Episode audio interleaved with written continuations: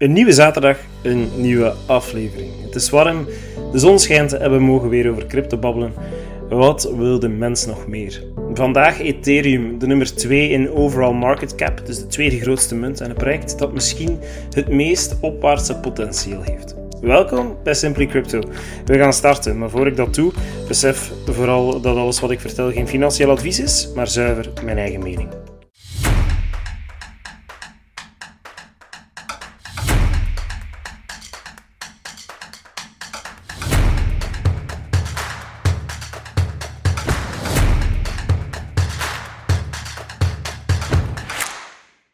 Over Ethereum kan uren gebabbeld worden. Maar dit is en blijft een podcast voor mensen met minder ervaring in de cryptowereld, dus ik ga vooral de grote details bespreken en de kleinere zaken zal ik achterwege laten. Dus focus op de basis vandaag. Maar voordat we ingaan op Ethereum, even teruggaan naar het begin, want elke munt heeft natuurlijk ook zijn geschiedenis. En die van Ethereum start in 2015. Want toen werd die gelanceerd door een jonge programmeur en zijn naam is Vitalik Buterin. Dat is een man die enorm veel invloed heeft in de cryptowereld. Hij wou op dat moment een blockchain-platform creëren dat veel meer kon doen dan alleen maar digitale valuta ondersteunen en verzenden, zoals Bitcoin dat eigenlijk doet. Ethereum werd ontwikkeld om een platform te bieden voor het bouwen van gedecentraliseerde applicaties, ook wel bekend als D-apps. Ik geef jullie straks alle uitleg over wat een D-app is. Maar eerst het team van Ethereum. Het bestaat uit een groep ja, diverse ontwikkelaars, programmeurs, enthousiastelingen van over de hele wereld. En wat Ethereum zo uniek maakt, samen met een aantal andere blockchains, is dat het een open source project is. Wat betekent dat in principe iedereen kan bijdragen aan de ontwikkeling en aan het verbeteren van het platform. En het is die toepassing die geleid heeft tot een bloeiende gemeenschap van ontwikkelaars die ongelooflijke innovatieve toepassingen bouwen bovenop Ethereum. Maar wat zijn de voordelen dan van Ethereum? Nu, ten eerste biedt Ethereum een programmeerbare blockchain. Wat dat betekent dat ontwikkelaars slimme contracten kunnen bouwen. Een slim contract, of in het Engels een smart contract, is eigenlijk een stukje code dat automatisch bepaalde acties uitvoert van zodra er aan bepaalde voorwaarden voldaan is. De vergelijking is, het, is eigenlijk het simpelst met een drankautomaat. Stel je voor, je hebt dorst, je gaat naar een drankautomaat. Wat doe je? Je gaat er eerst geld in gooien, dan ga je op een cijfer drukken en dan krijg je de drank die je wilt. Maar als je je geld er niet in gooit en als je dat cijfer niet intypt, dan krijg je natuurlijk nooit die drankje. Een smart contract of een slim contract werkt op exact dezelfde manier. Dus je hebt eerst een bepaalde voorwaarde aan wat je moet voldoen en dan kan een bepaalde transactie doorgaan. Het heeft ongelooflijk veel mogelijkheden. Hè? Uh, bijvoorbeeld het schrijven van een, van een huis zonder een notaris nodig te hebben. Stel u maar eens voor dat je dan die 20 of die 30.000 euro aan notariskosten bespaart. Dat is al een grote hap uit je budget opnieuw gewonnen. Hè? Maar er zijn tal van andere voorbeelden. Ik ga er u een aantal geven. Bijvoorbeeld uh, een verzekeringsclaim. Stel je voor, je hebt een autoverzekering en je hebt pech, je bent betrokken bij een auto-ongeval. Nu, in plaats dat je alle papieren handmatig gaat invullen uh, en je moet wachten op goedkeuring van je verzekering, kan je dat in principe gewoon via een app in een smart contract gebruiken.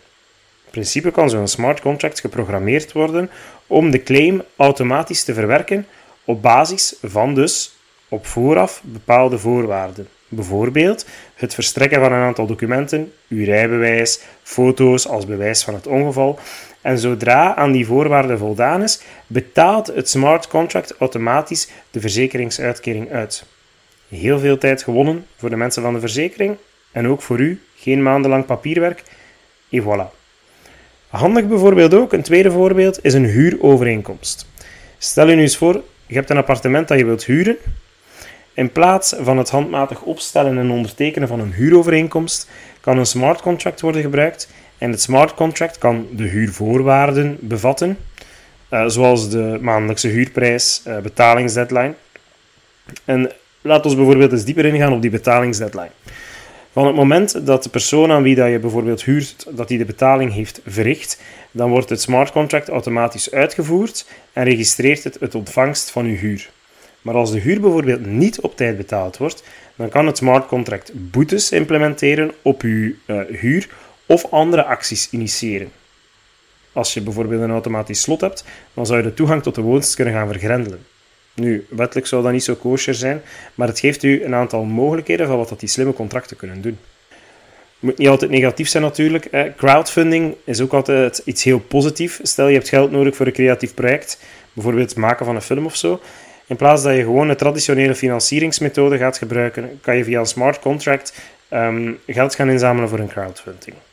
Het smart contract kan worden geprogrammeerd om bijvoorbeeld uh, het geld die je hebt binnengekregen automatisch vrij te geven aan de projecteigenaar wanneer het doelbedrag bereikt is. Stel je verzamelt 100.000 euro, en 100.000 euro gaat automatisch naar je projecteigenaar.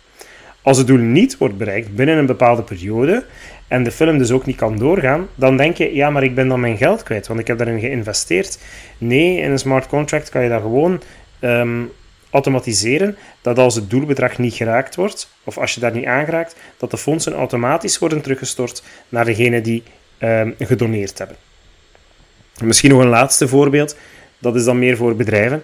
Um, supply chain management is super belangrijk.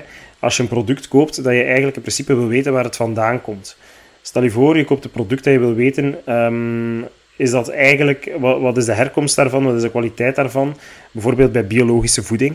Uh, een smart contract, dat kan eigenlijk worden gebruikt om de supply chain op te volgen, maar ook transparantie te bieden aan de klant. Zodat een klant weet dat een koffieboon vandaar komt uh, en die weg heeft afgelegd tot in de winkel. Dus een smart contract kan automatisch de meest relevante gegevens op het moment gaan bijwerken. Op die manier krijg je een soort van wederzijds vertrouwen tussen u als consument en degene die het product verstrekt. Omdat je de volledige geschiedenis van het product kan gaan traceren en dus ook, ja, zoals ik zei, vertrouwen uh, van juistheid hebt en van informatie hebt. Een tweede toepassing van Ethereum is D-apps. Je hebt het mij daar straks al horen vertellen. Gedecentraliseerde applicaties. Ik ga dat even uitleggen, want dat is een moeilijk woord. Maar dat wordt heel vaak gebruikt in de cryptowereld. Het is in principe een applicatie die draait op een blockchain-netwerk zoals Ethereum. Dus een applicatie die je gewoon op je gsm staan hebt, maar die gebruikt die cryptotechnologie. Dat gaat niet via Bitcoin, maar dat gaat wel via bijvoorbeeld een blockchain zoals Ethereum, die dus verder uitgevoerd is. Want Bitcoin is alleen maar voor financiële transacties. Ethereum kan veel meer.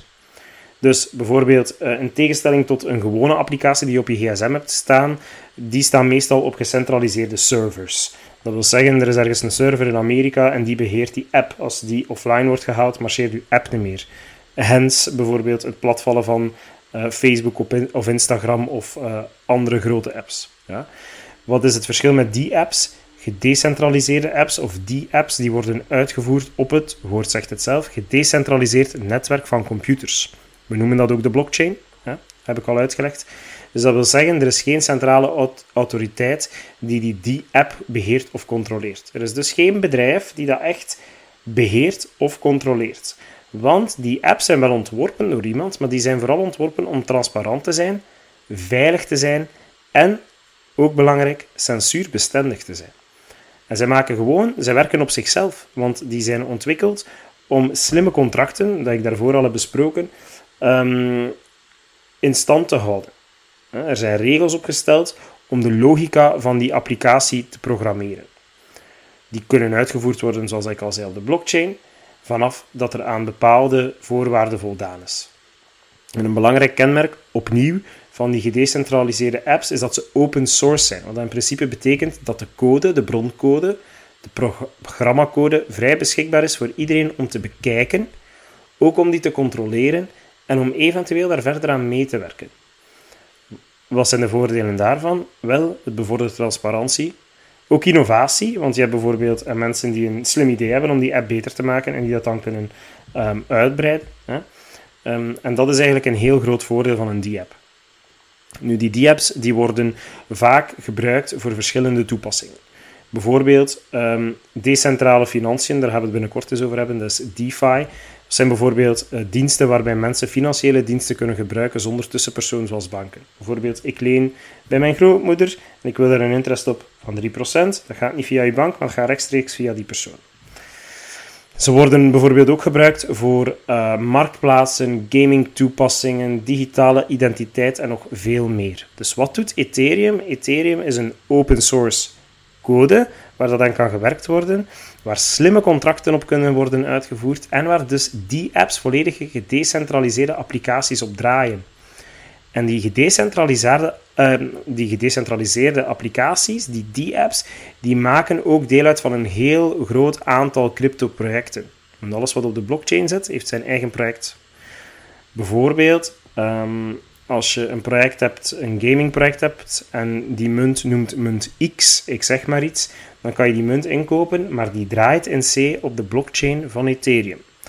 Daarom, eigenlijk die Ethereum blockchain, die heeft heel veel waarde, omdat daar kan op gebouwd worden. Die applicaties die daarop gemaakt worden, die worden daarop gebouwd. Als jij bijvoorbeeld dan zo'n die-app gaat gebruiken, dan heb je in principe volledige controle over je eigen gegevens en over je digitale activa. Je kan um, die die-app gaan gebruiken zonder dat je een account hoeft aan te maken. Makkelijk, hè? En zonder dat je persoonlijke informatie hoeft te delen. Nog gemakkelijker. Waarom?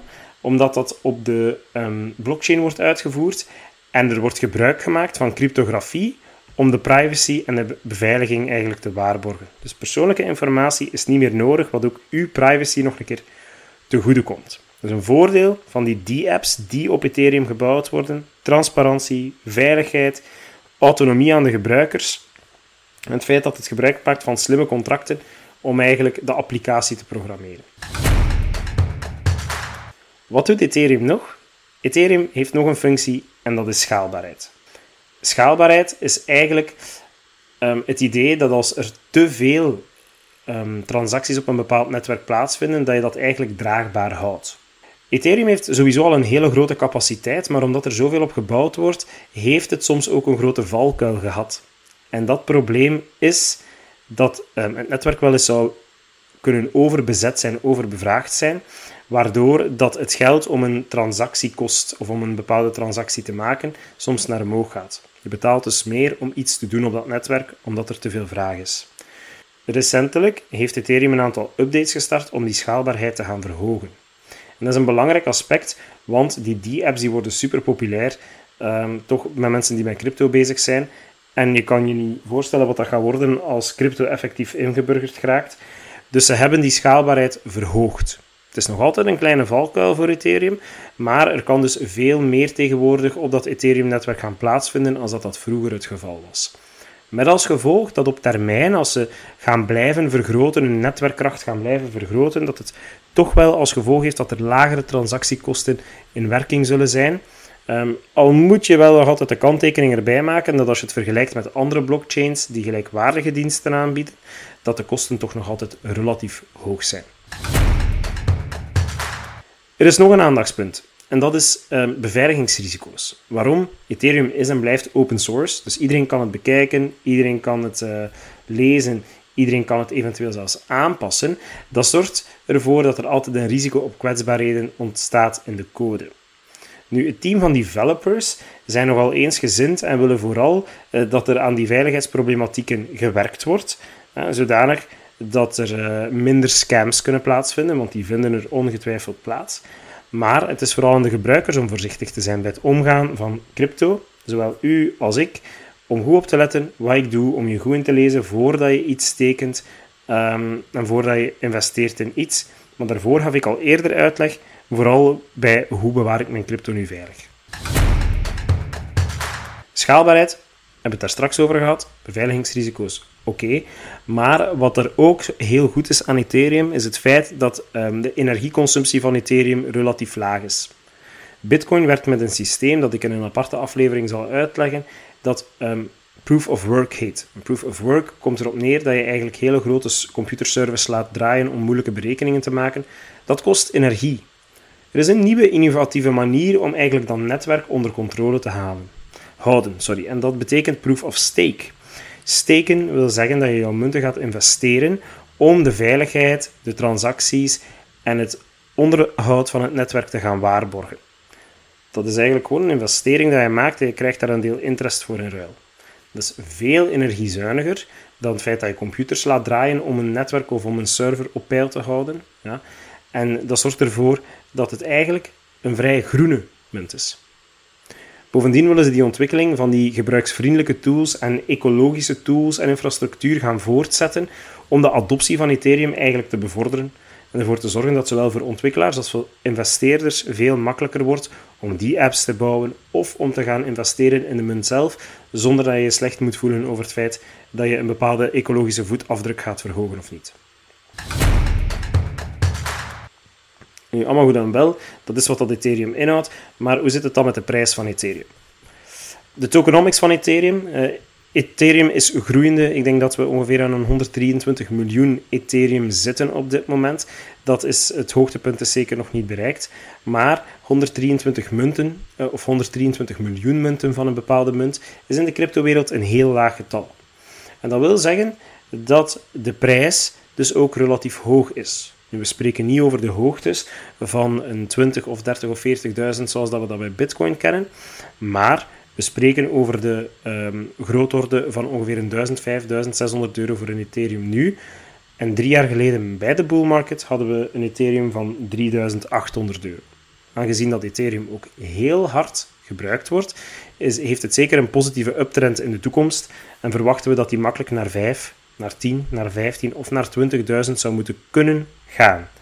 Dat hangt af van heel veel verschillende factoren, zoals uh, de veiligheidsrisico's, zoals ik daar straks zei, de schaalbaarheid, de aantal die-apps dat erop gebouwd worden en natuurlijk um, ook hoeveel mensen er in crypto investeren. Daar hangt het ook van af. Het is gewoon een zuiver een idee van vraag en aanbod, maar het is de tweede grootste munt binnen de cryptowereld. Het is de eerste achtervolger van Bitcoin en er wordt zeker en vast de nadruk op gelegd dat dit wel eens de munt zou kunnen zijn die in marktwaarde op lange termijn Bitcoin zou kunnen verslaan. Dus misschien wel toekomstperspectief voor deze munt, maar opnieuw, dit is geen financieel advies, dit is gewoon mijn persoonlijke mening. Goed, we zijn eigenlijk rond. We hebben het meeste gehad over Ethereum. Ik heb uitgelegd wat Ethereum is, hoe het ontstaan is. Ik heb uitgelegd waar de valkuilen zitten, de beveiligingsrisico's. Ehm, ik heb ook uitgelegd wat eh, die apps zijn, slimme contracten zijn, wat er kan op gebouwd worden. Dus dat is zeker de grove basis van Ethereum. Een zeer interessante munt met heel veel toepassingsmogelijkheden. En aan iedereen die in crypto investeert, vraag het aan hen gerust. Ehm, er zijn heel veel mensen die Ethereum heel hoog in het vaandel dragen. Maar bij deze zit de aflevering erop. Het aantal volgers trouwens van de podcast begint stilaan te stijgen. Uh, dat is heel leuk om te zien. Um, dus als er nog vragen zijn of er zijn mensen die um, een bepaalde aflevering iets willen horen of een uitleg willen over het een of het ander, jullie kunnen steeds terecht bij mij op simplycrypto.nl. En voor de rest laat ik jullie vooral genieten van het weekend en zie ik jullie woensdag voor een volgende aflevering. Dag!